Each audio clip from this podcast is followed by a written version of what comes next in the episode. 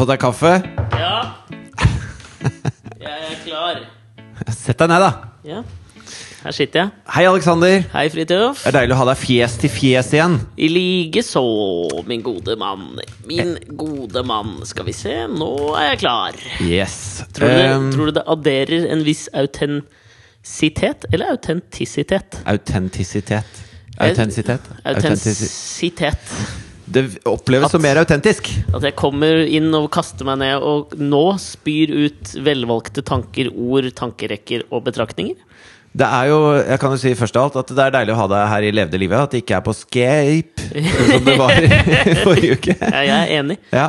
Jeg er ikke så glad i scape. Er du ferdig med påsken? Nei, påske er vi ferdig med nå. Ferdig med nå? Ferdig snakka. Alt jeg har å prate om, er påskekrim. Er det det? Jeg, jeg, har, jeg, så på, jeg har sett på et par påskekrimer. For det første okay. har jeg lyst til å komme med en oppfordring til de store TV-kanalene her i landet. Om at eh, jeg vet at påskekrim er populært. Ja. Men det betyr ikke at dere må ha tre påskekrimmer på NRK og tre på TV2.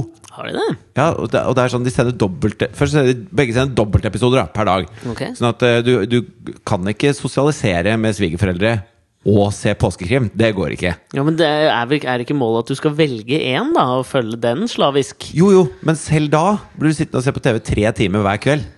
Ja, men det tenker jeg sikkert er veldig fint for noen. Jo, for det er vanskelig å holde samtalen med og så har du gjort det da, mandag, tirsdag, onsdag. Da er den påskekrimmen ferdig. For den er egentlig laget så den skal vare hele påsken. ikke sant? Det er seks okay. episoder da, som de har gjort på tre dager. Mm. Og så har de lyst til å få en, ny påskekrim ferdig i løpet av torsdag og fredag. Mhm. Så da kjører de trippelepisoder okay. på torsdag og fredag. Det vil si at da, da blir du sittende oppe fra åtte på kvelden til ett om natta hver dag bare for å se påskekrim. Ja. Og så er det ny påskekrim okay. lørdag og søndag. okay. Med dobbeltepisoder. Ja. Det er slitsomt. ja, men er, er, mener du nå at du tar fordi Jeg vil ha én episode per dag, sånn at familien kan spise god mat og si 'nei, nå er det påskekrim'. og så setter vi oss inn, henter påskeegget, tar fram litt eggnog fra jula, okay. og så nyter påskekrimet. Men eh, jeg vil se og hører jo Det er ikke forbrukerorientert, for faen! De ja, bare jeg- prøver å få meg til å se mest mulig på TV. Ja, men jeg tenker jo at det kanskje er forbrukerorientert, all den tid binge-watching nå er et fenomen som veldig mange abonnerer på. Jo, men tvungen binge-watching. Ja, Altså, du- du må, du må binge nå! Det, det, er, det fungerer mot sin hensikt. Men har du ikke PVR-opptaker på den eh, boksen, da? Så du kan liksom velge å binge-watche det, Det litt senere? funker hvis- ikke sånn hos svigerforeldre. Det som går på TV, det går på TV nå. Ja, men jeg skjønner, men dette her har du har irritert deg så mye at du har dratt det med deg ut i liksom post påskeuka? Nei, dette er mer en sånn liten intro til noe jeg har lyst til å snakke om om påskekrimmen okay. som har vært i år. Få høre hvilken påskekrim er det du har fulgt med på, da? Jeg så en som het 'Nedgravde hemmeligheter' Ok. Mm. på NRK. Eh, som var veldig sånn rolig, eh, eh, bra påskekrim, syns jeg. Ikke, ikke for mye action. Okay. Og veldig rolig og litt sånn pønskete.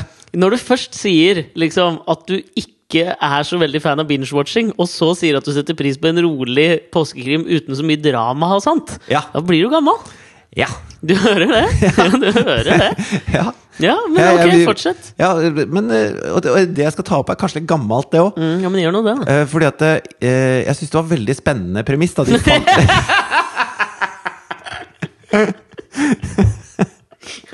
Ok. Fortsett. Ja, Hør meg ferdig nå. Ferdig. Åpner mange dører, da. Tankedører som vi ikke har vært vant til å gå gjennom, kanskje. Ok, ok, ok. De finner et lik. Ja. Ja. ja. Det er jo ofte Tradisjonelt påskekrimsk. Ja, ja. Eh, og så viste det seg at det liket da er Det mordet har skjedd for nesten 40 år siden.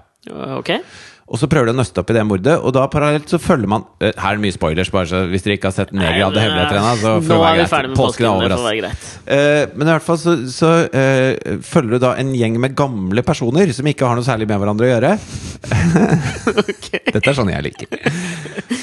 Og så uh, Ja, bare så jeg har forstått det riktig. Vi starter podkasten med å gjenfortelle forrige Ja, jeg- jeg kommer til noe, jeg Ja, men til noe. Jeg liker det! Ja, ja, ja. Eh, hvor de da tydeligvis har en fortid, men de er jo blitt relativt fine gamliser nå, da. Mm, okay. Ikke sant? De, de gjør koselig bra ting, og du tenker på de som bra folk, liksom. Ja. Men for 40 år siden så Er det noe Henry Rollins over dem, eller har de vært Ja, det igjennom det, og så forstått det? Okay. Ja, mulig det. Um, og, og da, eh, når det da begynner å komme opp alle de forferdelige tingene som skjedde for 40 år siden, Ja. så blir du stilt overfor en hel del sånne derre eh, Bør de straffes for det nå? Eller ikke-spørsmål. Ja. Som var ganske spennende, for jeg merka at det, det slo ut på forskjellige måter. da For Ja. hver av dem hadde på en måte sin fortid, som Ja, kan klassifiseres deretter. Ja. Som En av dem eh, var en dame da som som 16-åring hadde blitt sammen med en sånn hyperrasistisk eh, møkkafyr. Eh, Da hadde hun bodd på gata en stund og drukket eh, og blitt ord- ordentlig alkis. Og så møter hun da denne eh, Nasjonal Front-rasisten og blir da er i et års tid en sånn hyperrasistisk dame. da okay. Gjør mange stygge ting. 40 år senere, superbra dame, eh, gift med en sort mann. Mm. Er med og hjelper ungdom som sliter i gettoene i London osv. Ja, Men har denne fortiden. Okay. Kjenner jeg Det kan jeg, det kan jeg tilgi. Okay. Der er jeg på tilgi-bagen. Okay.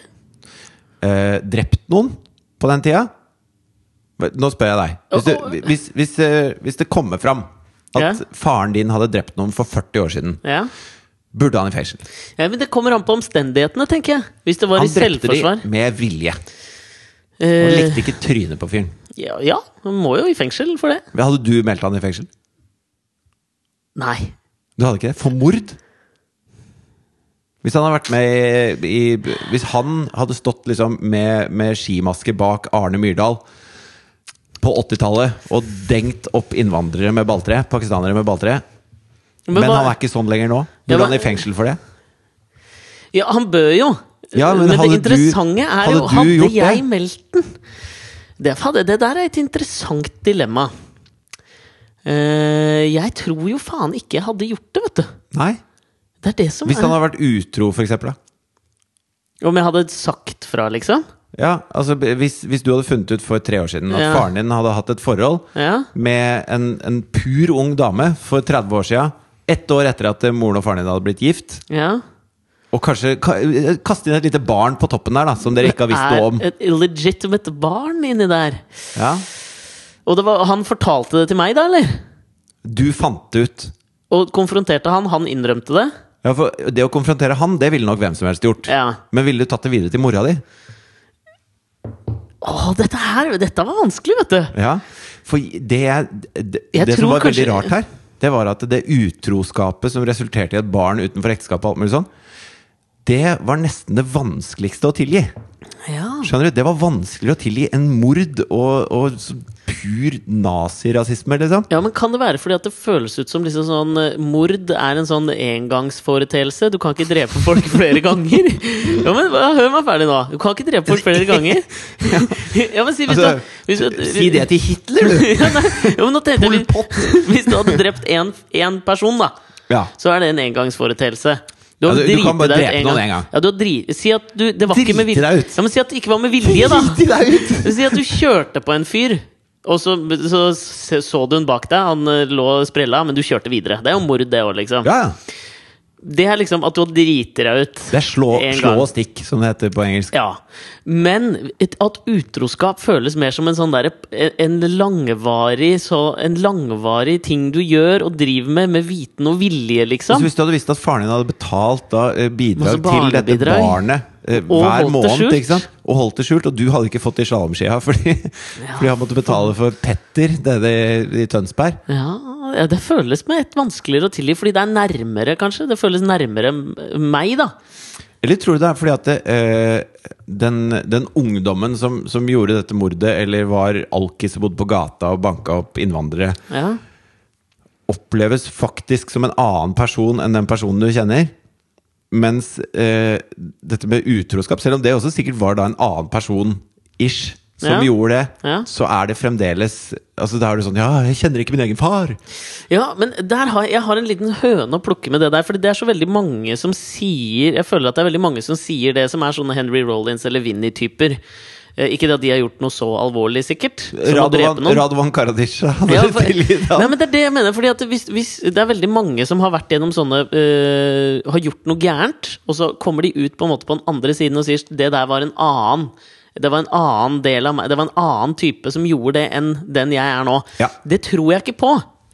Fordi Nei. jeg mener jo liksom at det du bærer i deg Det er ikke noe sånn at vi på en måte kvitter oss med noen folk Jeg inni mener at man ikke kan bli bedre, liksom. Jo, absolutt, men jeg tror ikke man kan liksom få Den er ikke borte for alltid. For under rett omstendighet så tror jeg den personen kommer fram igjen.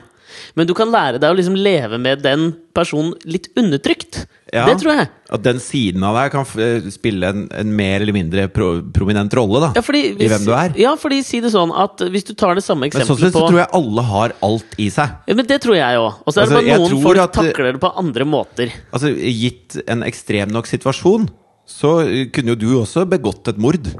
Ja, Det hadde jo ikke vært, trengt å være så jævlig ekstremt heller.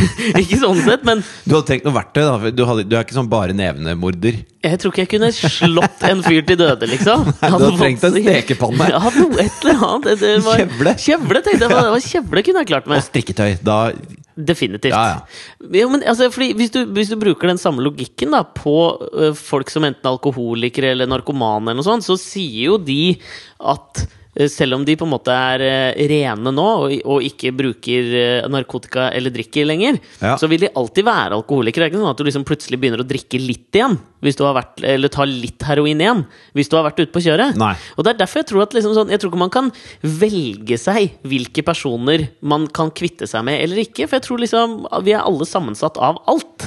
Jo, men så blir man jo veldig påvirka av omgivelsene òg, da. Og, og altså jeg merker jo øh, Man har jo gjennomgått noen faser i livet, på en måte, hvor man er omgitt av folk som er i samme type fase som deg. Ja, ja. Og da er det uh, forskjellige ting som er mer og mindre greit, gitt hvilken fase du er i, på en måte. Ja, ja. Så, uh, så, så jeg tror at uh, altså, La oss si at du hadde blitt droppa rett i et rockeband sammen med 19-åringer, ja. Og skulle bare vært sammen med de. ja. Eh, Liksom, så dag 1, 2 og 3 Så hadde du sikkert tenkt sånn Oi, dette her var litt slitsomt Dette var litt styrete greier Og nei, jeg orker ikke drikke i dag Og nei, nå Ja, Men jeg hadde nok også vært litt Å, fy faen, dette var fett. Ja, ok, de første tre dagene Så de neste tre ukene etter Så hadde det vært nok der, ja. Så hadde du nok vært der Og så hadde du blitt eh, Skal vi binge-watche noe påskekrim, eller gutta? Nei, drikke i dag òg, ja. Ja, ok. Ok. Ja, men det er jævlig fet ha Agatha Christie på NRK3 Faen. men, men så etter en stund Så hadde du blitt en, en Da hadde du blitt eh, som, som Svabergen? Litt rund i kanten Og blitt med på greia Ja, jeg tror det, dette, det er rart at du tok opp dette her, Fordi i går så satt jeg og så på en dokumentar som het eh, Faen, hva den het igjen, da? The Weathermen Underground, tror jeg den heter. Okay. Ligger på Netflix. Ja. Som handler om en sånn gruppe studenter Er det i visse mennene eller værmennene? Værmennene. Ok, ja Weather Å ja, sånn, ja!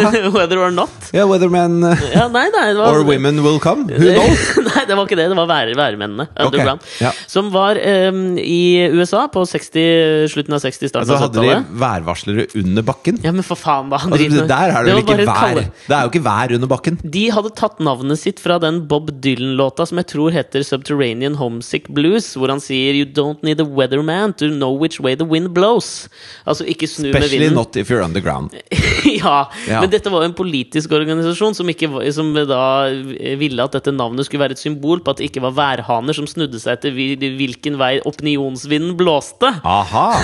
Kløktig. ja, ganske kløktig.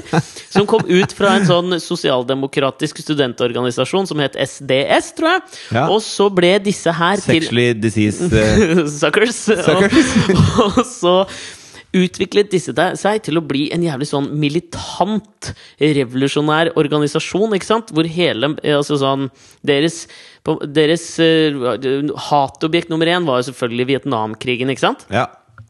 Uh, og undertrykkelsene av de svarte i USA. Så de var, jobbet Det var en tett. slags sorte suite da. Ja, de jobbet veldig tett med de sorte pantere. Okay. Og uh, det som var så fascinerende der, var at de hadde jo en hel haug med klipp fra liksom 1968-1969, da de holdt på og var unge. Så hadde de intervjua disse menneskene igjen nå, når de Ja. var voksne. Ja. Og snakk om sånn Henry Rollins-aura på Ja. liksom en samla gjeng med folk, da! Det kan jeg levende forestille meg. Og der er det fascinerende, fordi at eh, tre-fire av dem eh, sitter jo da ute. Han ene er eh, college-professor, han andre drev en eller bar, hun tredje fikk vi aldri vite hva dreiv med, men de, var liksom, de så ut som godt etablerte, velfungerende voksne mennesker. Uvoldelige personer. Og de var definitivt ikke voldelige, for det hele deres liksom, tanke og mål var det der at eh, det å ikke liksom reagere på eller gjøre noe med at en stat utøver vold vi ikke syns er greit, sånn som USA gjorde i Vietnam, det er vold i seg sjøl, Ja. mente de. ikke sant? Ja. Altså, da mener de da kan vi bruke vold for å Så de bombet jo en hel haug med banker, og ikke sant? de gjorde masse faenskap. ja. Uh, og han er Litt som Bader-Meinhof. Ja, er litt Bader-Meinhof. Bare Jeg, på, jeg syns jo Bader-Meinhof burde nivå, hatt et spørsmålstegn etter i tittelen. Bader-Meinhof. Bader Meinhof? Nei, han er ferdig nå. Det er min humor, da. Apropos på lavt nivå. Jo, det er greit, det. Dusjer meg Nei. Ok, hva, unnskyld. Jo, men det som var fascinerende, jo, det var at tre-fire av dem sant, sitter ute, collegeprofessor osv., men han ene av dem sitter inne på livstid. Og han har Ja. gjort i utgangspunktet det samme som alle disse andre. Bare han ble ble tatt? Han, han ble tatt for noe. Nå eh, sovna jeg litt uti den her, så det kan hende at han drepte noen da. Men det er jeg litt usikker på. Men ikke sant? det er fascinerende, fordi når du ser tilbake så eh, på de klippene av dem som unge mennesker, så har de en sånn aura av liksom sånn Som man alle har kanskje som 19-, 20-, 21-, 22-åringer. At man liksom, vi kan klare alt. Liksom eh, Power to the people og, og staten er Systemene kan snus, liksom. ja, ikke sant? Ja. Mens, mens når de sitter der nå og prater, så har de på en måte en eller annen slags form for avstand til det. Det var en annen person som dreiv med det der. der. Nå jo, kan jeg sitte jeg og altså- forklare dette veldig sånn rasjonelt og bla, bla, bla. Og det, jeg kjøper det ikke. Jeg tror de fortsatt har det i seg, og at de egentlig er litt skuffa over at de ikke fikk det til. Jo, men jeg tror en av grunnene til at det- Sånn som uh, Altså, det å være rasist eller nasjonalist eller sånne ting, det er noe av det verste jeg veit. Altså, Ja. Det er sånn helt sånn ryggmargsrefleks for meg. Er at det er noe av det aller, aller verste jeg veit. Det er så uh, sneversynt og egoistisk og ræva at jeg, jeg blir forbanna hver gang, liksom. Ja. Men når jeg hører intervjuer med sånne folk som har vært med i nasjonal, altså National Front eller uh, altså, uh, Eller ND, sånne- Norwegian Defence League. ja, eller sånne engelsk, Hun har jo prøvd seg på en sånn ta avstand fra. Ja. Når jeg hører sånne folk som har vært aktive i det og blitt voksne og sier at det der var noe jævla tull, så blir jeg så glad for at det går an å, å komme Altså at, det, at de folka som oppleves som så uang... Altså det er umulig å få det til å ombestemme seg, det er umulig å diskutere med dem, det er umulig å, å komme noen vei. Men når jeg da ser sånne, sånne folk som har, som har vokst ut av det, og som sier at det der var bare Det står jeg ikke for lenger, liksom. Det er noe tull. Så blir jeg så glad at da er jeg villig til å tilgi nesten hva som helst, tror jeg. Ja, og, ja men det er jeg enig i. Og, og litt, jeg tror at mord er noe man bedriver eh, når man er trengt opp i et hjørne. Når man ikke har så mange andre utveier. Ja, så fremt man ikke heter Charles Manson, da, apropos Ja. slutten av 60-tallet. Men det er noe annet, liksom. Ja, ja, det, det, det er lystmorderen. Det er liksom en annen greie. Ja, jo, jeg, jeg, ja, jeg, jeg tror det. Jeg ser for meg at du, du ender ikke opp med å drepe noen, med mindre du liksom har prøvd en del andre utveier av den klemma du sitter i, først. Ja, men du kan være, jeg kan være helt enig i det. Ja. Men dette her er litt gøy. Og også. da er det noe panisk over det, og som jeg også har på en måte lettere for å tilgi, selv om det har mye større konsekvenser. da Fordi det, de som sitter på andre enden Egentlig både rasisme og mord har jo enorme konsekvenser for de som er mottakerne av det. ja, det er, Spesielt mord! Ja, det var det jeg tenkte. Spesielt mord har vel Ja. en rimelig stor konsekvens. Mens utroskap er, Du er aldri så trengt opp i et hjørne at det eneste utvei er å knulle det, liksom. Knuller deg ut av en knipe, liksom. Jeg har aldri hørt om det uttrykket. Nei, da, det er noe heavy black, Og så var jeg en jævlig blackmail. knipe, men jeg bare knulla meg ut av den. Det har jeg aldri Jeg gjort. hadde ingen andre utveier enn å ligge med det mennesket. Nei, jeg er Mange enig. ganger. Nei, jeg er faen meg enig, men Sånn at det er, på en eller annen måte så er det et mer rasjonelt valg. Å drepe noen enn å være utro? Nei, men altså, det er, okay, det er, et, det er, et, det er et tydeligere personlig valg da, å være utro enn det er å drepe noen. Fordi at det å drepe noen, det, det tror jeg skjer i en slags panisk eh, klemme. Ja, så fremt du liksom ikke ja, Ikke kjører på noen, eller et eller annet sånt, da, men du tenker i en eller annen slags form for sånn konfrontasjon. Hvis ja, er eller sånn hvis du kjører på noen, så er jo det et, det er jo et uhell. Ja, liksom. ja. Og da er det hvordan du takler uhellet i ettertid, som avgjør hvorvidt det eh, fortsatt er et uhell, eller om det er mord. Ja, ikke sant? Eller involuntary manslaughter, eller hva faen det heter i rettslige systemer. Men dette satt du og sleit med ja, i påsken. Ikke Ja, det, Hvordan- men dette var det som gjorde at det var så interessant, syns Ja, jeg. Den påskekrimmen. Likte den påskekrimmen. Jo, men vet du hva, dette, Jeg syns dette er litt sånn fascinerende, det der med uh, når man For jeg ble overrasket over hva jeg liksom For du sitter jo og heier på ikke sant? Politiet er ute etter å ta de som har gjort det. Ja. Og så ender du da med å si Ja, men det, det var jo lenge siden. Det, og jeg håper de ikke tar han eller henne, liksom. Ja. Men han der, det svinet der, han kan de godt ta. Ikke sant? Du sitter jo og heier på folk ut ifra hva de har gjort, og hvem de er nå, Ja. og hvor lenge det er siden. Og alt sånn. Og det var veldig rart å kjenne på hva som var ryggmargsrefleksen min da. Fordi at mm. jeg skulle jo tro at uh, mordere og, og voldelige rasister eh, det, De kan godt brenne i helvete for min del, liksom. Men så var det han utrojævelen. Han var jo prest i tillegg, da. Det kan jo ha spilt inn med Ja, deg, og hun dama var mindreårig, hun han lå med. Ja, veldig prestete gjort, da. Ja, ja, han var jo Hvis vi skal generalisere tro til sin kappe. Jo, men, En mann for sin hatt, kan man si. men hvis jeg Vi vi må komme tilbake til det, for det er en ting jeg har fulgt veldig med på denne uka. da Litt sånn apropos det der at man Fordi jeg føler jo da at man, man gjør en del ting som, som ung voksen. Som man liksom kanskje noen år senere, når man føler seg litt mer voksen, Skulle ha jo ugjort. Skulle ha ugjort, eller om ikke ugjort, så i hvert fall ser man på det med andre øyne og tenker sånn Der var jeg litt teit. Ja. Jeg har gjort mye sånn, liksom. Sånn du stjal biler med crewet ditt oppå Blindern og Ja, men jeg skulle ikke hatt det ugjort, liksom. Men jeg ser på det nå, så tenker jeg sånn Ja, Tror du var saken er foreldet? Ja, det tror jeg. Ja. Må jo være det. Ellers så, ellers så har jeg egentlig et ansvar om å gå til politiet med det. Hadde du meldt meg? Ja, nå har du faen meg dilemma her, altså.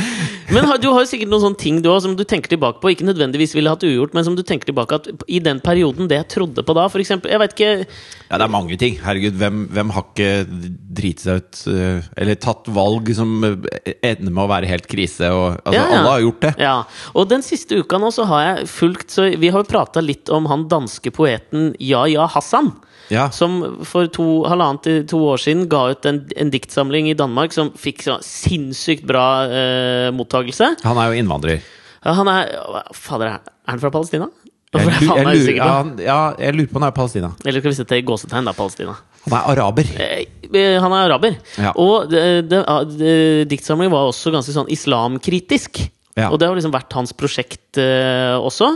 Og han er jo jævlig ung. Hvor gammel er han nå? Hans 20? prosjekt 1920? var vel å være en slags moderne innvandrerungdom og prøve å sette et ansikt på de eh, førstegenerasjons eller de som kom når de var Mm. veldig unge, og, og hvilke holdninger de egentlig har. Og han valgte å gjøre det da gjennom dikt, som Ja. jo egentlig ikke er noe som selger utrolig bra. Nei, men det Men var jo det som akkurat var den smalt potent. skikkelig, liksom. liksom. Ja.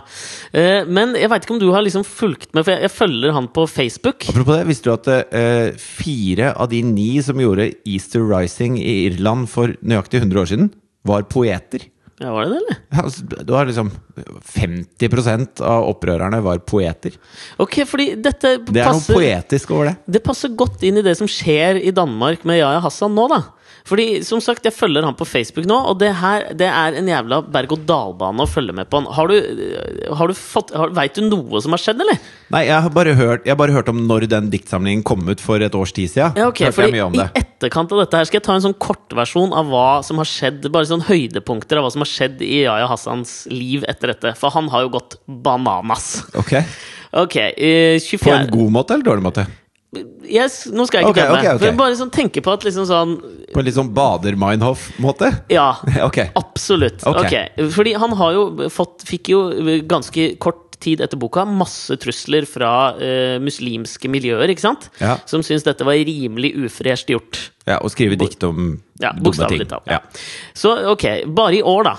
24. januar eh, så legger han ut eh, en video på Facebook hvor han blir jakta Han kjører bil og blir jakta av to karer som bare svinger inn foran han og løper ut, så han må liksom svinge tilbake. Mens han filmer det? Ja, han, han filmer alt, da. Han legger ut alt på Facebook, liksom. Oi, men, men ja, ok. Og han mente at disse her kom med sabler for å drepe en. Men da, uh, han har filma alt, så han klarer å kjøre unna og stikke av, selv om de kjører, kjører etter han da. Han Syvende så sablene? ja, ja. 7. februar så blir Jeg trodde sabelrasling var bare Nei da. Det kommer mer sabler. Jeg trodde det var bare et uttrykk. Nei, det- Men jeg trodde ikke det var noe som virkelig raslet med sablene. I Danmark rasles det med sabler nå. okay. 7. februar så blir han stoppa Det filmer han dette her òg, da, på eh, en italiensk lufthavn. Han skriver ikke hvilken. Eh, Så blir han holdt tilbake av noe sånn politi på lufthavn. Og han bare nekter, og kommer da i en fysisk konfrontasjon med dette politiet, som eh, ender med at eh, Altså, du får med deg litt, da, for han holder jo hele tiden denne mobilen som han filmer, i hånda med alt han gjør. Noen må kjøpe et sånn headcam til. Jeg tenker det, Han måtte Ja. ha hatt seg en eller annen sånn GoPro på huet. Ok, 7. februar igjen så slipper han da en en rappelåt som heter 'Kom og ta meg', eller sånn 'Jeg har en digg pikk', eller sånn. Jeg har en digg pikk. Ja, den heter et Jeg trodde rart. 'Kom og ta meg' var til alle Kaptein Sabeltann-raslende menneskene der ute. Ja, ja, den er jo til den, da, men han har gitt ut flere. Du kan få en liten smakebit, bare sånn at du hører hvordan han rapper. Av 'Jeg har en digg pikk'? Denne heter 'Kom og ta meg'. Ok.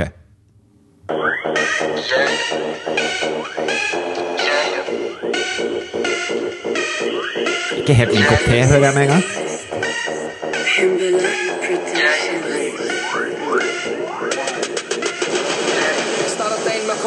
Malaysian Har stadig ti stridsstrisser med i bagasjen Så det er lige før jeg dropper massagen Og hasjen frisk, lige fra plantagen Rebeller og strabasser dagligdagen Korrupte panser og svanser ryger ned på gaden Ja, digg, digg flow, da. Ja, bra flow. Han er jo en slags street poet. Ok, så, Ja. Men der kommer det jo masse stikk til politiet og alle disse muslimske miljøene som truer han, ikke sant? Ja. Ok, 9. februar så blir han eh, pågrepet for å kjøre bil i narkopåvirka tilstand. Ok. Han Han driver med sånt ut, han legger ut bilder hele tida av det, det grønne. Altså weed og eh, hasj og sånn, Ja, ikke sant? Ja. Uh, samme dag så blir han da ekskludert fra partiet som han ble med i. Nasjonalpartiet var et parti som han, han ble med i, som er et sånt bitte lite marginalt parti i uh, Det høres veldig høyrevridd ut. Nei, det var motsatt, da. Okay. Helt på motsatt siden. Ja. Og når han blir kasta ut av partiet, så filmer han jo selvfølgelig det også. At han blir, men blir han fysisk kasta ut av et parti? Ja, fordi de hadde da årsmøte. Ja. Og han blir da fysisk kastet ut av det, hvor han velger å synge følgende sang. I'm in love with the coco. You ain't got shit on me, so fuck the po-po. Po-po. Fuck the po-po. Fuck the po-po. Ain't got shit on me. Her blir han da kasta ut eh, av eh, Fuck the popo, det er police, da. Ja, men Love It Coco det ble en sånn rimelig sånn undergrunns... Kakao? Ja, det er jo kokain, ikke sant? Oh, oh. Det, ble, det er en låt han synger der som jeg tror den kom ut i fjor, jeg, som ble en liten sånn kulthit som heter I'm in Love With The Coco, som var noen sånne afrikanske rappere som lagde. Jeg skjønner. Ok, vi har så vidt begynt, skjønner du. 9. februar igjen, så er han med på en uh, TV-debatt. Uh, hvor han skal liksom prate om det at han ble påvirka, da. Og da sier han altså Jeg skal prøve meg på dansk, da. Ja. Og han sier noe sånn eh, Jeg kan bare smed alle de renka I vil mot meg til min pikk, og den er omskåret, den er flott. Og så bare går han ut av studio.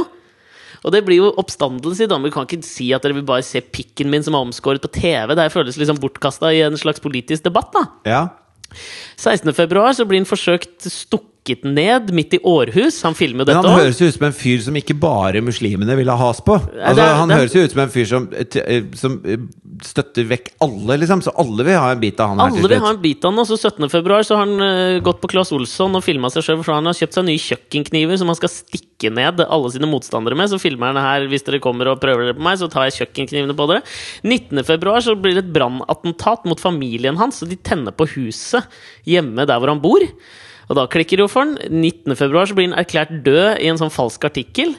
12. mars så blir han jaga med sabler og kjørt ned. Og da har han lagt ut masse bilder. Han brekker armen, halve hånda hans er skjært bort. av bare blod over hele kroppen. Men da legger han ut rett etterpå Halve hånda er skjært ja, bort. skjært av hele liksom, hånd, det motsatte av hva heter det, håndbaken er inni. Hva er det som er oppå? Eh, Det er hånd... hånd Hånd- Nei, det er håndbaken. Det er håndbaken. Håndflaten er inni. Ja, ok, håndbaken er håndbaken, oppå. det er, det er nesten hele er skjært bort. Da må han i hvert fall få seg sånn hodekabbe. Han må det! Men det er bare dette her har fascinert meg, fordi jeg anbefaler Men han burde jo flytte til Gazastripen. Ja, Han Det virker jo mye roligere der for Ja, han. for han har jo starta en bandekrig, ikke sant? Det er Ja. poenget. Det er, han skal, det er noe som heter Black Army da, nede i, i, i Danmark. Okay. Som er en slags sånn muslimsk fraksjon, antar jeg. da Ja. Jeg kjenner ikke noe videre til det, men det er de han liksom hele tiden henvender seg til, og det er disse som han er i en bandekrig mot. da okay. Og dette syns jeg er noe, det er noe fascinerende ved det, litt med tanke på de irene du sa òg, da. At, man, at for etablissementet, liksom, så er det ikke dette her du forbinder med en veldig sånn en, en At det er poetene som nok en gang står i bresjen for ting, liksom. Ja, fordi jeg, jeg skal ikke liksom forsvare noe av det han gjør. Jeg anbefaler alle å gå inn og følge ham på Facebook, for det er utrolig fascinerende Men er det å på. følge han, er det en slags sånn stilltiende uh, støtteerklæring? Det at du er venn med han, liksom? Ja, Om det er liksom Weatherman Undergrounds uh, tankegang, at jeg støtter Volve og ikke Nei, men at Ikke reagere. det at du sier 'vil du være vennen min', og så sier han ja, ok, Nei, så men han er, Det er sånn offentlig personside, så det er ikke noe sånn at vi er venner. Jeg bare følger den, Men det går jo ut på det samme, egentlig. Ja, ja. Men, men ja, ja, kanskje. Men Fordi, fordi det, det, brukes jo som et sånt mål på makt i, i samfunnet. Da. Hvis man sier at denne personen er så smart Sofie Elise er den viktigste kvinnelige stemmen vi har i Norge fordi hun har mange følgere. Ja, Ikke fordi hun har sagt da. så mye smart. Nei, og det, er- det er jeg helt enig i. Det er uenig i det. Så på den måten så føler jeg at min, mitt eh, følgerklikk ikke har en sånn vidtrekkende konsekvens utover det. Men det som jeg syns er fascinerende med dette her, da det er at på, på en eller annen måte så Jeg digger den jo som poet. Jeg syns boka var helt eh, råbra, ikke sant? Ja. Men han oppfører seg som en jævla idiot. ja. Altså, han- er jo en fjortis! Han går rundt med, med solbriller og caps og prøver å yppe til slåsskamp på gata med innvandrere. Alt og liksom. alle, liksom. Ja, og Ja. han filmer alt han gjør. Og det er jo noe så utrolig teit i det, men samtidig Men så jeg- merker jeg, jeg at jeg er litt positivt han- innstilt. Jeg ser for meg at eh, hvis du Altså La oss si at han overlever dette her, da. Ja. Eh, Det høres jo ut som han har det travelt med å overleve, men la oss si at om 20 år, da, så lever han fremdeles. Det var det jeg tenkte på. Han hadde du tilgitt for det tullegreiene han holder på med nå. Absolutt. Jeg Du har hadde nesten tilgitt han allerede. Ja, det er det. Jeg tror jeg, liksom, jeg er litt positivt innstilt til det han driver med. Bare fordi at det er en slags sånn utfordring av hva vi, hva vi Og så er tenker det om deilig at noen røsker opp i ting. Ja, men, men samtidig så støtter jeg jo ikke at noen går på Claes Olsson og kjøper seg OBH Nordica kjøkkenkniver for å stikke ned folk, liksom. Men det er det som er så vondt. Det tror jeg fordi- ikke OBH Nordica syns er så stas er det snikreklame? Er det en sånn liten P i hjørnet produktplassering? Det, det må faen meg er Toppen av liksom, produktplassering er å produktplassere kniver på Yahya Hassans Facebook-side! Det, det er geriljamarkedsføring, det. Nike har sånn uh, Messi og Ronaldo som sender fotballen seg imellom. Så OBH Nordica Og og hyra inn Hassan og Manson og det er bare, Stort, er Ja, altså! da hadde jeg faen meg Jeg får jo lyst på OBH Nordica-kniver nå. Hvis de er gode, for, gode nok for Yahya Hassan, så er de faen meg gode nok for min du, bil. får, du får Radovan Karadzic og Al-Assad og alle bare Kongsberg våpenfabrikk ruler liksom. Klasebombene deres er så fete!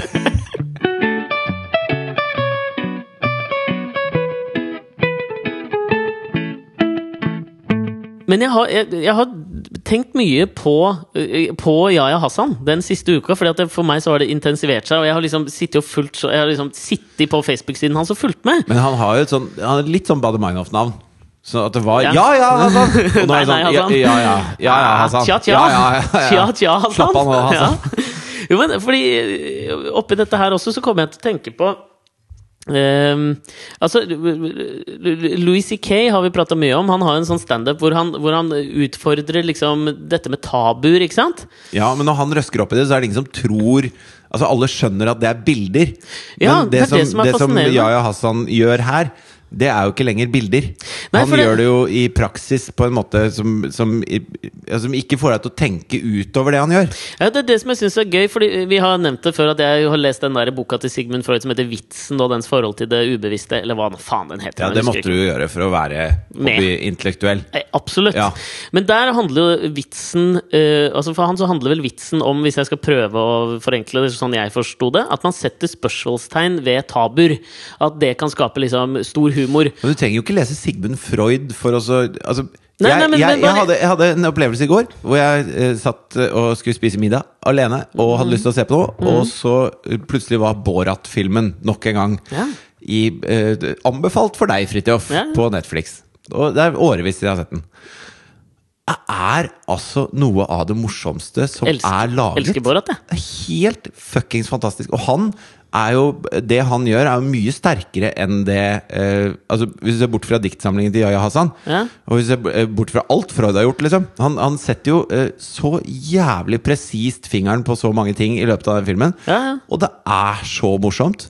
Ja, altså, Og nådeløst, liksom, samtidig. Men jeg hørte på det der Mark Maron-intervjuet med Sasha Baron Cohen, som Borat egentlig heter. Intelligent fyr, ass! Ha, smart fyr. Ja. Uh, og det var, bare synes det var en jævla artig anekdote han fortalte fra innspillingen av filmen Bruno, hvor han spiller han derre ho eh, homofile Er han tysker? Østerriker? et eller annet. da. Eh, hvor, liksom sånn, hvor nøye de planla den filmen for at det ikke skulle være planlagt. Da. For den skulle jo ende med at eh, den, hans mannlige kjæreste, som, eh, som det hadde blitt slutt med, de skulle møtes igjen på slutten av filmen i en UFC-slåssering. Hvor Ja. han skulle da, altså Bruno skulle inn og slåss, for han hadde blitt sånn skikkelig anti-homoaktivist. Ja. Skulle han slåss med noen skikkelig UFC-fighters. Og så skulle de se hvordan dere Og dette tror jeg var i Texas. Skulle du se hvordan det reagerte hvis da han kjæresten kom inn igjen, og de begynte å kline midt på scenen. Ja. Hvor han da hadde en, en, en fallem i, uh, i selve ringen, da. Ja. Bare fordi han Og de visste at det kom til å bli UFC-fighterne visste ikke at dette Ingen visste jo, Nei. utenom Bruno og han og TV-teamet, hva som skulle skje. Men de hadde en bil ventende med døra åpen. De bare antok at det kom til å bli kaos. Og den første kvelden de gjorde det Han er fryktløs, han fyren der. og, og det var Filmselskapet hadde jo nekta han å gjøre det, fordi de mente dette er det umulig for oss å forsikre. Du kan dø, Ja, ja, liksom. ja. Men han bare fuck it, jeg skal gjøre det. Og den første kvelden de gjorde det, tror jeg var i Alabama. Så da gikk det ikke, for det Altså, det, det brøt jo ut opprør, ikke sant? Så han måtte jo bare kaste seg ned i den lemmen, og kjæresten ble jo, han ble jo igjen. Så Oi. de visste jo ikke hva som skjedde med han, men de hadde heldigvis med seg noen livvakter, så de måtte jo sette opp denne her tingen en gang til da, i en annen by i Texas, og da liksom gikk det. Men det ble jo opprør, og hele politistyrken inn, liksom. Ja. Han, du har noen baller når du Ja, gjør sånn, ass. Jeg, jeg syns det er helt konge, jeg. Ja, det er dødsfett. Men jeg, jeg er enig, du trenger ikke å lese Freud for å skjønne det. Men det som jeg syns er fascinerende med forskjellen mellom Louis C.K., som jeg tenkte på da jeg leste dette her, hvor han, han drar jo den eh, I den ene standupen sin så drar han den derre Han tenker på ting. Altså sånn Selvfølgelig skal vi ikke diskriminere homofile, but maybe. Han har en sånn lang greie hvor han liksom Ja. utfordrer de tabun, tabuene. Ja. Men det Freud mener, da, er jo at liksom sånn, så lenge du utfordrer tabuene uh, på en trygg måte, som jo uh, Louis C.K. gjør altså Det er trygt på standup-scenen når du vet at det er en humoristisk innpakning, sånn, så er det trygt. Ja. Da er det fortsatt morsomt. Men det som, er, det som skjer med Yahya Hassan, mener jeg at han utfordrer en slags sånn tabu over hvordan man opp, øh, øh, oppfatter poeter. Men han gjør det på en måte som er jævlig utrygg. Ja. Og da, med en gang, så blir vi helt sånn Vi klarer ikke å forholde jo- oss til det, og det er fascinerende. Og så er det jo hans uberegnelighet som gjør at du vet ikke om du kan skrive under på det han gjør. Du, Mhm. vet, du, du kan ikke si sånn Ja, men jeg er med på dette her. Eh, ja ja, jeg er med Ja. på dette her. Fordi at du veit aldri hva som kommer neste gang. Nei, er, Og da, da, da går det ikke helt. Men er ikke det som er litt sånn Er ikke det som er å leve av? Det, det er pirrende. Jeg, Jeg syns det det. er litt pirrende. Ja. Men øh, jeg vet ikke, fikk du med deg også Jeg kom til å tenke på noe han Det var en sånn flykapring nå i Ja, Egypt. som, han som hadde teipa masse dassruller rundt midjen og sa at han skulle kapre fly? Ja, Seif Eldin Mustafa, tror jeg han het. Ja. Så de skulle fly fra Alexandria til Kairo, ja. og han øh, Ville til Roma og hilse på paven. Sa han, han. han ville til Kypros. Ja, det første han sa, var at han ville til Roma. Han skulle snakke med paven. Ja, Var det det han ville? Ja. Ja, fordi det var ikke greia at han, ja, han fikk ikke se barna og, og kona si. Jo, det dreide seg om en dame, fikk jeg push-varsel om etter hvert. det dreier seg om en dame der, så. Ja, men så, de fløy i hvert fall og landa på Kypros. Ja. Og så har du lekket nå et bilde av han. En som har tatt smiley ja, en som har tatt bilde sammen med han, da. Ja. Nummer én, en ting som irriterer meg, det var en fyr som het Ben Innis. Altså en, eh, en brite. Ja. Som står ved siden av han fyren her. Og, blir, Og han, har på smiler. bombebelte, liksom. Ja, og han står og smiler liksom i poloskjorta si og syns dette er konge, ikke sant? Ja. En ting som jeg reagerte på først her, før jeg kommer til poenget, og det er at øh, alle kaller dette en selfie nå. Jeg, Ja. altså, og jeg mener nå at det har gått inflasjon en, det er en Instagram-husband, det er ikke en selfie. ja, men er ikke, altså sånn, det er noen som står og tar bilde av dem. Ja. Er, det, er, er, ikke selfie at du tar bilde av deg sjøl, da? Er ikke det hele poenget med selfie? Jo, jeg, jeg er enig. Da er jo Mona Lisa en gammel selfie. Ja, det er det jeg mener. Og det er det jo ikke. Vi mister et ord. Altså sånn, Du blir ikke lenger tatt bilde av. Du blir tatt en selfie, ja. Ja, fuck det der, da! Ja, men det, I selfie så ligger det kanskje mer en slags selvpromoterende bilde, da. Er det det det er? Jeg, men nå bare, jeg, Ja, jeg pønsker. Ja. Jeg lurer. Ja, fordi da kan jeg kjøpe det. Ja. For da er det verdens beste selfie. Da er det jo en kongeselfie. Eh, Absolutt. Ja. Men det, jeg holder fortsatt på at det der er å bli tatt bilde av. Enig. Et kjempebra fotografi. Enig. Nydelig. Godt poeng, Aleksander. Men, men, men der har vi jo Å, en liten Fikk vi rydda opp i det? Ja. Ja. Men det, er, altså, sånn, det å utfordre tabuer, det vil jo påstå definitivt at han fyren som steller seg opp og blir tatt bilde av Men bare he hele den der situasjonen der altså Det er en fyr som har kapra et fly, han har bomber rundt livet, og så Ja. går du opp og sier 'Kan jeg få ta et bilde med deg?' Hva, hva, hva skjer i huet ditt da? tenker, det- det der må jo Det være det siste Jeg hadde ikke for Jeg har aldri kommet på å spørre om det. Nei, men samtidig er det liksom sånn Jeg føler at Det er noe avvæpnende over det. det er noe jævlig avvæpnende. Og på en måte, hva er Eller fallhøyden? avvæpnende. Han var jo full av våpen. Altså, det har jo ikke Avvæpnende ligger jo i at du tar av folk våpenet. Men, men, men det skjedde jo.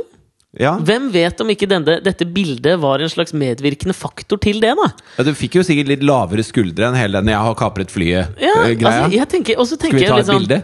Skal vi se en film? Har dere noe popkorn? Har du Borat her? ja. men jeg tenker Vil du ha en gin tonic? altså, det er mange ja, for, altså, sånn, Hva er fallhøyden her? Jeg tenker Dette er naturlig Dette er like naturlig som at 3000 fot! Nei, men de var jo på bakken! ja! Ja, dette, For han var en av de siste gislene som slapp ut. da oh, ja, så han Ben- har lyst til å ta et bilde før han forlot Et minne, denne livsfarlige situasjonen? sånn, Hva har du å tape, liksom? Han blir jo ikke sint Hvis du er på liksom. bakken og du er sistemann i det flyet, så tror jeg jeg hadde foretrukket å bare gå, jeg. Framfor å ta et ekstra bilde. Men, men folk, men liksom den, den opinionen her, og liksom måten media framstiller dette på, er jo at vi skal bli jævlig overraska over at denne fyren stiller seg opp og tar et bilde med flykapreren. Og jeg må bare si at Ja, det ble jeg. ja, det blir ikke jeg! Jeg syns det føles som en sånn naturlig forlengelse på en eller annen måte. Ja. Det er like naturlig som at Donald Trump nå går ut og sier at hvis kvinner tar abort, og det er imot loven, så må de straffes. Ble, jeg blir ikke overraska over at Donald Trump sier det. Like lite blir jeg overrasket over at vi i denne kulturen vi har nå, Er det nå fordi at se jakten på uh, et unikt bilde er blitt så allemannseie? At det selvfølgelig er du hypp når du først har en flykaprer? Jeg tipper det var flere som spurte. Altså for faen, Jeg tror faen meg det var jævlig mange flere som spurte, eller prøvde å snappe, i hvert fall, fra den flykapringa. Men at det bare var Ben Det hadde som du gjort. Ja. hadde nok det. Nok en mandag. Og det er de verste snappene òg. Helt vanlig dag på jobben, dette. Og så er det noe uvanlig. Jeg hater det! Og jeg mener fortsatt dette her er ikke noe å bli overraska over. Helt naturlig. Ikke, må vi ikke slutte å opphøye han fyren til noe sånt? Fy faen, så tøff han er. Fuck det! Null fallhøyde. Helt normalt.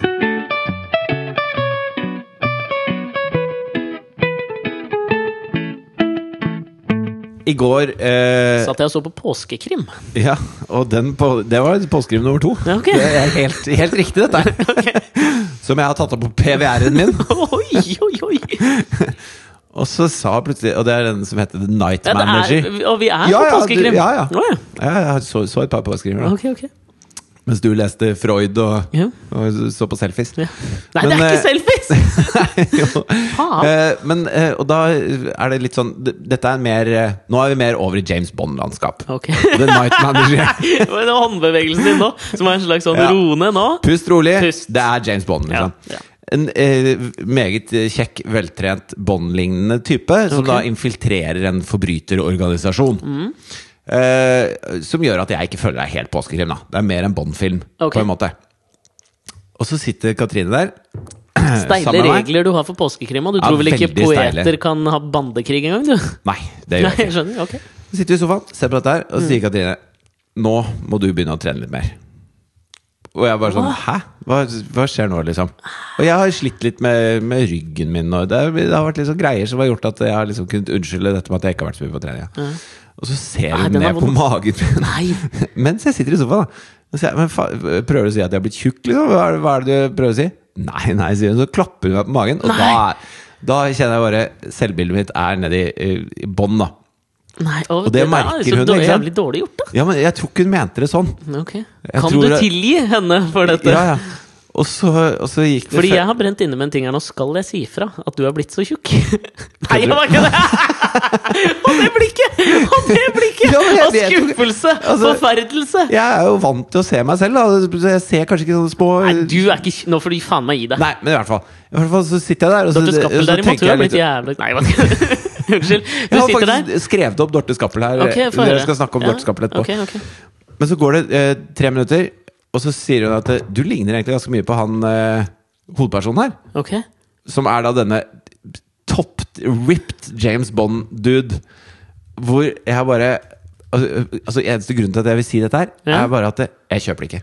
Men, okay, men, men, Fordi at hun sier Jeg opplever da at hun sier bare det for hun akkurat har kalt meg tjukk. Nå høres jeg så jævlig snurt dame ut når jeg sier dette her. ja, Fordi dette sa hun etterpå.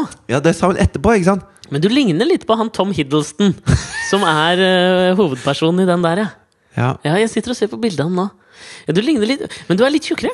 ja det er jeg. Ja. Men, men du skjønner at du godt kan si det etter at du har sagt det første? Nei, nei, nei, nei, nei. Fordi da føler du at hun prøver å redde seg inn på en eller Ja, annen så da ble jeg bare sittende og tenke på andre ting, og så helte jeg saft i den der koppen som jeg har maldonsalt i, og så drakk jeg av den, og så ble det helt jævlig, og det bare ble en dårlig kveld, rett og slett. Men har du, eh, har du noen gang uh, Har du drukket så salt saft før? Nei, jeg har det ikke er det. vondt. Nei, jeg har ikke det, altså. Det. Ja, men uh, Fordi det, Nå er det jeg litt flau. Ja, men eh, Fordi du, som, du sier, som du sier der, så er det jo på en måte eh, Man ser seg i speilet hver dag. Ja, og så blir du vant til den selfien der. Ja. Ja. Og da er det veldig ofte vanskelig å se, hvis man kanskje vil si at du går opp et par-tre kilo da, eller sånn. Jeg tror det er lettere for andre å se enn deg sjøl, som ser deg hver dag. Selvfølgelig. Uh, og sånn for min del så, så blir jeg ofte litt sånn Jeg blir litt lei av å se på meg sjøl i speilet. ja, men, altså sånn at jeg føler at det blir det Ja. samme hver dag. Men du går jo ikke ens ærend for å se deg i speilet. Nei, men når jeg står etter at jeg dusja, da. Så står jeg der, og så tar jeg på meg litt sjek litt det og sjekker litt, liksom? Nei, nei, men jeg tar på det, og så pusser jeg tennene. Ja, og står med? Du står på badet for å gjøre ting, Ja. og der er det et speil. Og så for noen par dager siden så bare fikk jeg en sånn innskytelse. ja, jeg fikk en sånn innskytelse med at jeg sånn uh... Hvordan ser jeg ut bakfra? Hvis jeg bøyer meg og kikker Ja, gjennom beina? har- Men-. Har du gjort det? Ja, ja. Det tror jeg aldri jeg har gjort. Nei, det har jeg aldri gjort. Ja, men det er ikke det liksom greit å sjekke at Ta alt tef står tefketitten. Ja, det gjør jeg innimellom, bare for Gjør å se det? at alt står bra til og sånn. Okay. Også, I, I rumpa, liksom? Ja. Gjør Nei ikke du? det, nei, det har jeg aldri gjort. Ja, men jeg tror det er lurt, det. Jeg ta- mener at jeg skal teste det? Ta seg en liten ferie i sitt eget brune Narnia. greit, det er greit. Ja, men fordi det jeg gjorde da Jeg tenkte jeg skulle, jeg skulle vise, deg, vise deg noe. Nei, dette er jeg gira på å se, kjenner jeg. Hvis det har noe med det å gjøre. Nei, det har ikke noe akkurat med det å gjøre, men så begynte jeg å kjede meg litt eh, på mandag. Hva, Altså, eh, du husker når Kåre Conradi slapp noen sånne nakenbilder? Siden vi er på tefke og naken og Ja. kropp og alt mulig sånn. Det har Så- vi, jo, vi har jo prata i hjel, de bildene. Ja, de men, gamle, men men, jeg ja. hørte på podkasten den derre 'Alt du sier er feil', Espen, Mm. med Thoresen og Kristoffer Schau. Og så hadde de eh, Sigrid Bonde Dusvik som gjest. Ja. Sigrid Bonde Tusvik Det hørtes Mm. veldig fort ut. Altså. Men, eh, og så snakka hun om at hun pleide å ha med de bildene når hun hadde standup-show. Ja. Eh, av da Korkan Radi og Marianne Aas Hansen. Ja. For hun var jo også på de bildene. Er hun glemt, eller? Nei, hun En, er en, sangerinne. en, av fire showgirls, husker du de, eller? Ja, jeg husker det. Men eh, hun er sangerinne. Ja. Hun gjør, jeg tror hun gjør det ålreit som sangerinne. Ja, det tror ikke jeg. Nei, det tror jeg. Okay. Men i hvert fall så eh, Hun har snakka kontor uh, i samme bygning som psykologen min, så jeg ser alltid sånn her bor Marianne, eller her er liksom Marianne Hoss Hansen AS hver gang, så tenker jeg dette går i ræva med. Tenker jeg, da. Ja, det er ikke sikkert, det. Nei, okay. Men eh, kanskje, kanskje, kanskje ikke. Ja. Men i hvert fall Hvilket så marked er det Mar Marianne Aas Hansen har nå, liksom? Nei, I det er 2016? moden jazzsangerinne, tror jeg. Ja, men det er ikke, det er ikke sånn voksenpop. Silje Nergård har jo- eier jo den kategorien. Nei men, eh, nei, men hun er mer jazza enn Silje Ja, Nergård. mener du det, eller? Ja, Ok. jeg tror det. Synger hun med jazzkvartetter på herr Nilsen, Hun liksom? Kan synger du med den make a stemmen hun living har. hun det? Ok, greit. greit. I hvert fall det Sigrid Bonde Tusvik snakka om, var at Marianne Aas Hansen var så jævlig deilig på de bildene. Ja. Snakka hun mye om. ja, ok. Og så satt jeg og hørte på hele den podkasten, og så ble jeg jo jævlig nysgjerrig på disse Ja, bildene. da Så jeg prøvde å google. Ja. Prøvde å finne nakenbilder av Marianne Aas Hansen. Ja. Fant ikke. Er det fjerna fra internett? Sikkert. Eller så okay. googla jeg ikke bra nok. Nei, ja, men jeg, Jeg jeg, skrev bare Marianne Aas. Hansen naken. det var det jeg kom okay. på. Ja, men jeg husker de bildene. Hun ser jo veldig flott ut, hun, altså. Ja.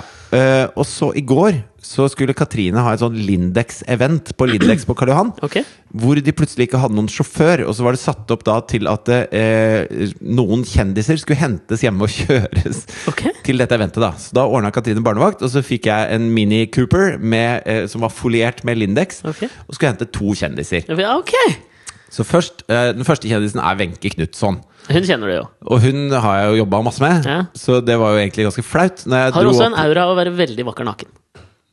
Sikkert, det vet Gå jeg ikke noe om. tilbake til podkast nummer tolv, så kan dere høre om hun høres vakker ut naken. naken, fall. Vi hadde deg Wenche som gjest, og vi har spilt inn podkast naken. Ja.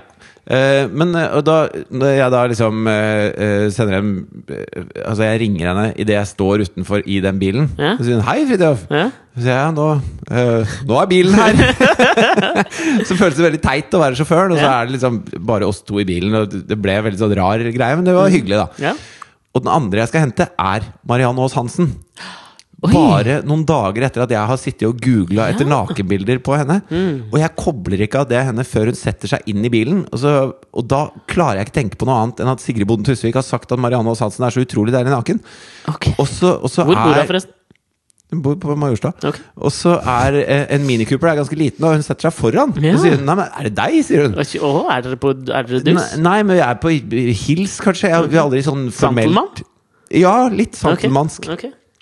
Men det var utrolig sånn snodig at du har, Det er et sånt menneske som du ikke kjenner, som du har hørt liksom, Er digg en podcast naken? om. Hørt er digg naken, og så sitter du og bare Det er keep å se. Og så googler du en del, og så finner du det ikke. Og så kommer hun plutselig og setter seg inn i en bitte liten bil sammen med deg, hvor du er sjåfør. Men Det er en veldig merkelig dag på men jobben. kom dere inn merkelig på dag på jobben! Nok en vanlig dag! Men, men spurte du på noe tidspunkt Prøvde du å vri samtalen inn på bilder, Er du digg naken? Nei, men i hvert fall liksom bilder først, og så liksom Nei, har, tenkte- Hører du på noen podkaster, eller? Jeg tenkte jeg skulle la det ligge. Å, vet du hva du skulle gjort? Du skulle bare hatt den podkasten gående Ja. på, i bilen. Ja, ja. Sånn at det kom- det hadde, nei, det hadde vært om deg, veldig fint. Det hadde vært veldig Og så spurt veldig sånn Kunne jeg, kunne jeg tatt en titt? Kom igjen, En pupp, liksom. Bare en liten pupp. Apropos en liten pupp. Jeg tenkte jeg skulle da vise deg noe, bare sånn helt, eh, helt på slutt. Ja, du, du skulle vise meg et eller annet, du. ja. Ja. Eh, Det er ikke på noen skjerm. Å nei. Fordi da kjeda jeg meg litt da jeg sto Er det på kroppen din? Ja. Åh, og så må jeg se på det? og så bestemte jeg meg for liksom, sånn, skal prøve å Kanskje jeg hadde sett finere ut hvis jeg var eh, glatt som barnerumpe over hele kroppen. Sånn Brazilian body? Overalt, liksom. Ok, ja. Så jeg tok og barberte all, all kroppshår Nei, gjorde du av meg. Alt? Ja. Rumpa? Alt ble bare Jesus! Du er Da kjeder du deg, ass! Med høvel, liksom. Under der. jeg Under armene òg! Er Herregud. Og så ser jeg at jeg bomma på noen hår, og så klarte jeg ikke på magen. Hvorfor i helvete har du gjort det bare her? kjeda meg litt, ass. Men, men har ikke du noe å gjøre om dagen, eller? Det var tidlig på morgenen, jeg var tidlig oppe, og så tenkte jeg som faen heller, jeg Kan har litt like god gjerne barbere kroppen. Hva skjer? Var det fint, eller? Jeg tror du kan svømme fort nå. Ja, dritfort. Ja. Men det som var så synd, var at det, Null friksjon. med hår så så jeg at liksom sånn, en del sånne valker og sånn, det var gjemt. Det syns jævlig godt nå. Jeg må begynne å trene, ass. Ja, du må begynne å trene. Helvete. Ja. Se at ja, Hassan trener dritmye Kanskje vi skal dra og trene litt sammen. Vi gjør det nå, eller? Ja, jeg okay, føler at nå er det på tide. Ja, ok. Men eh, da er vi ferdige, da. Nei, ja, med det i hvert fall. Du nevnte Dorte Skappel i sted. Å ja, vi skal dit, ja. Nå trodde jeg vi skulle til Things That Didn't Make The Cut. Nei, altså, dette maker cutten, ass. Okay. Fordi Dorte Skappel har gått ut mot TV 2. Ja. Rasende! Hun var rasende! Og måten hun ble behandlet på etter at hun var kunstløpkommentator, husker du det? ja, for det takla jo ikke helt. Nei, og da var jo hun Hun satt sammen med en ekspertkommentator, og så var, hadde hun fått en slags oppgavebeskrivelse av TV 2 om at hun skulle da komme som en mer eh, sånn eh, lekmann inn, og bare snakke om hvordan, hvordan vi folk flest opplevde kunstløp. For det tenkte TV 2 var en god idé. Dorte Skappel er ikke folk flest. Nei, hun er Dorte Skappel. Folk på Besserud tror Gud er Dorte Skappel. Og da ble det jo en slags sånn seerstorm mot Dorte Skappel på Jeg det. husker dette her. Ja, og så gikk TV 2 ut, og så støtta de henne ikke ordentlig. Nei. De sa bare at eh, ja, det var litt feil, altså. det var litt feil dette her, og Ja, Dorte ja. fiksa ikke helt den oppgaven. Nei. Og så uh, kom jeg til det jeg har lyst til å prate om, for nå står hun for første gang fram og forteller hvordan hun opplevde dette her. Ok. Og Rimelig uinteressant hvordan hun opplevde det der, merker jeg. Men jeg har veldig lyst til Ja. å høre din take på det. ja, fordi at det var noen ting som, som jeg eh, Hvor er det du har fortalt dette her, da? i, eh, På middag med Solveig Kloppen. Å ja, det der, ja. Ja. Så da sier hun her eh, ikke sant? Hun snakker om at hun var så forbanna, da. Eh, fordi hun har fått så mye negative meldinger på Facebook. Mm. Apropos og, Tilly, og ass, kommentarer og sånn. Ja. Og så skriver hun 'Jeg lå kveilet på baderomsgulvet og skrek'. Virkelig, altså. Jeg kjenner det gjør vondt enda, sier Skappel og puster dypt før hun fortsetter. Eh, jeg kan enten bukke under for dette, eller bare bite tennene sammen. Så gikk hun ut med hunden sin på Ekebergsletta, og så sier hun Så sto jeg der med bikkja mi og skreik alt jeg maktet. Og jeg bare jeg, Altså, det jeg stusser på, da Eh, Ja. er Jeg har møtt mine kommentarer som uh, kjøtthue Ja, ja. og, og så videre. Men hun er jo altfor sart til å drive med noen ting. Som, har du noen gang ligget kveilet på baderomsgulvet og skreket pga. en kommentar på Facebook? Altså, jeg føler at liksom Stakkars, stakkars Dorte Skappel. Men altså Noen må beskytte henne mot seg selv. Hun trenger en tur, ja, De må sjekke om hun kan være på TV i det hele tatt. Men altså Jeg forstår ikke det der. Altså, Jeg, jeg, jeg tror kan ikke jo noen kan si noe til meg som gjør at jeg ligger kveilet på baderomsgulvet og skriker. Men altså, å ligge kveilet på baderomsgulvet, det, det er greit. Tenker jeg. Men hva faen? Det får være greit, da. Hæ? Det, det er varmt Når lå du kveilet på Var det rett etter at du hadde barbert deg og bare Oi, dette var dumt? Ja, jeg hadde faktisk tenkt å si. Da angrer jeg litt. Da kunne jeg godt kveila meg opp på baderomsgulvet. Ja. Men det er så mye som skal til før jeg begynner å skrike! ja. Hvem faen er det som I ren frustrasjon. skriker av ting, da? Jeg, Birk det. Borkasson skriker vårskriket! Jo, men det er jo ikke i frustrasjon. Nei, men det er jo en slags vellyst. Ja, og det er noe helt annet. Men, men sånn, hvis du har en skikkelig dårlig dag, da Har du noen gang bare sånn ah! Jeg Har du gjort jeg det? Har du gjort det, Jeg må få lov å teste det, for kanskje Dorte Skappel sitter med nøkkelen til å komme over liksom jævlig Hvis vi må bare kjenne litt på det vonde et eller annet Jeg kan jo bare ta en titt ned her. Nå er det For da, Jeg ser for meg at det må jo være høyt òg, ikke sant? Ja, altså, altså, når, du, når du sier skreik Ja, Men det er jo deilig. ikke, det var ikke noe Dorte over det, det var Nei, mer Birke over det. jeg holdt igjen litt, Det var merker jeg. lyst over det der. Ja, det var kanskje det. Hun må ta seg en, liten, ta seg en sjekk, eller? Ja, jeg tror det, altså. Ok, Men da Ja. kan vi gå til things that didn't make the cut. Things that didn't make the cut.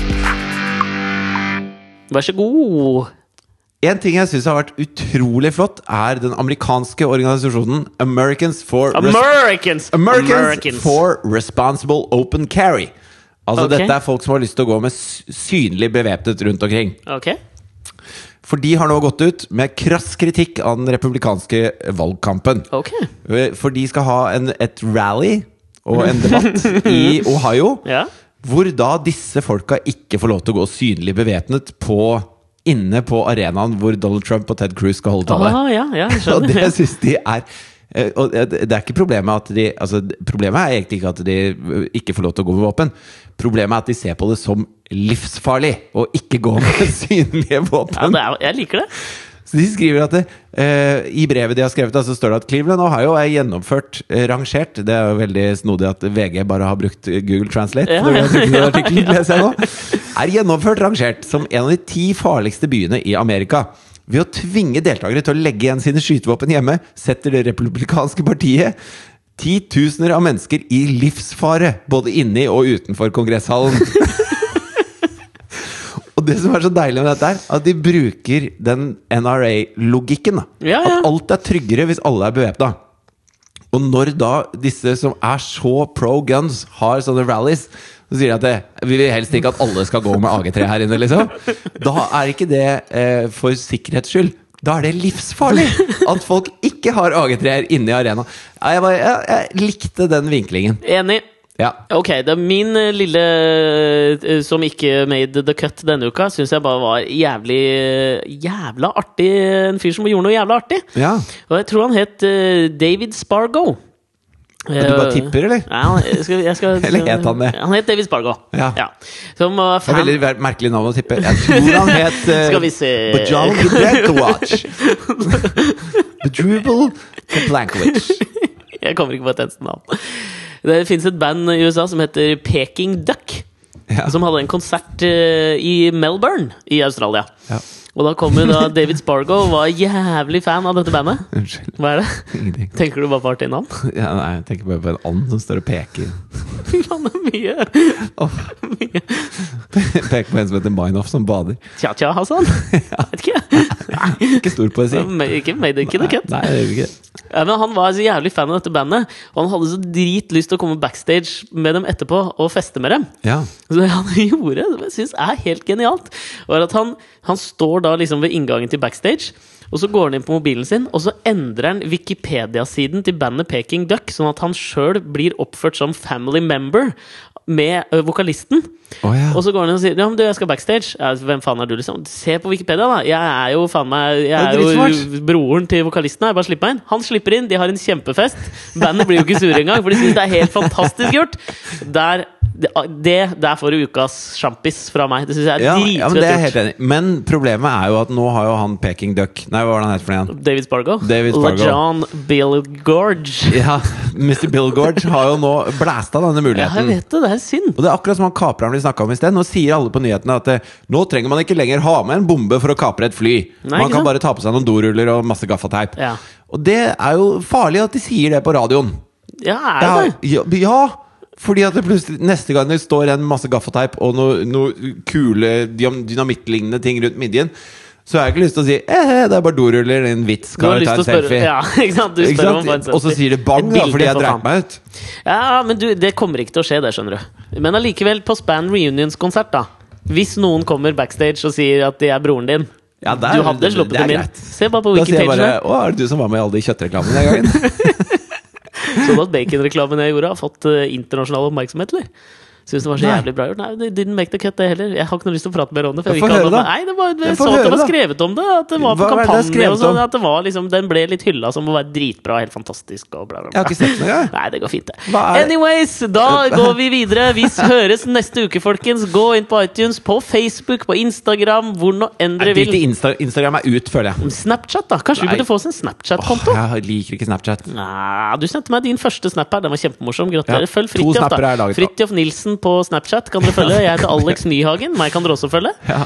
Hvis du har det jævlig travelt, så kan du følge meg, for der skjer det ikke mye. Yes, sorry, Bob. Ok, neste uke har du noe skal vi, tenkte kanskje vi kunne prøve med en slags teaser til neste uke. Har du et eller annet du har lyst til å ta opp neste uke? Andrew Wakefield. Den er god! Det er diffust og flott. Ja. Ha det! Ha det! Maggie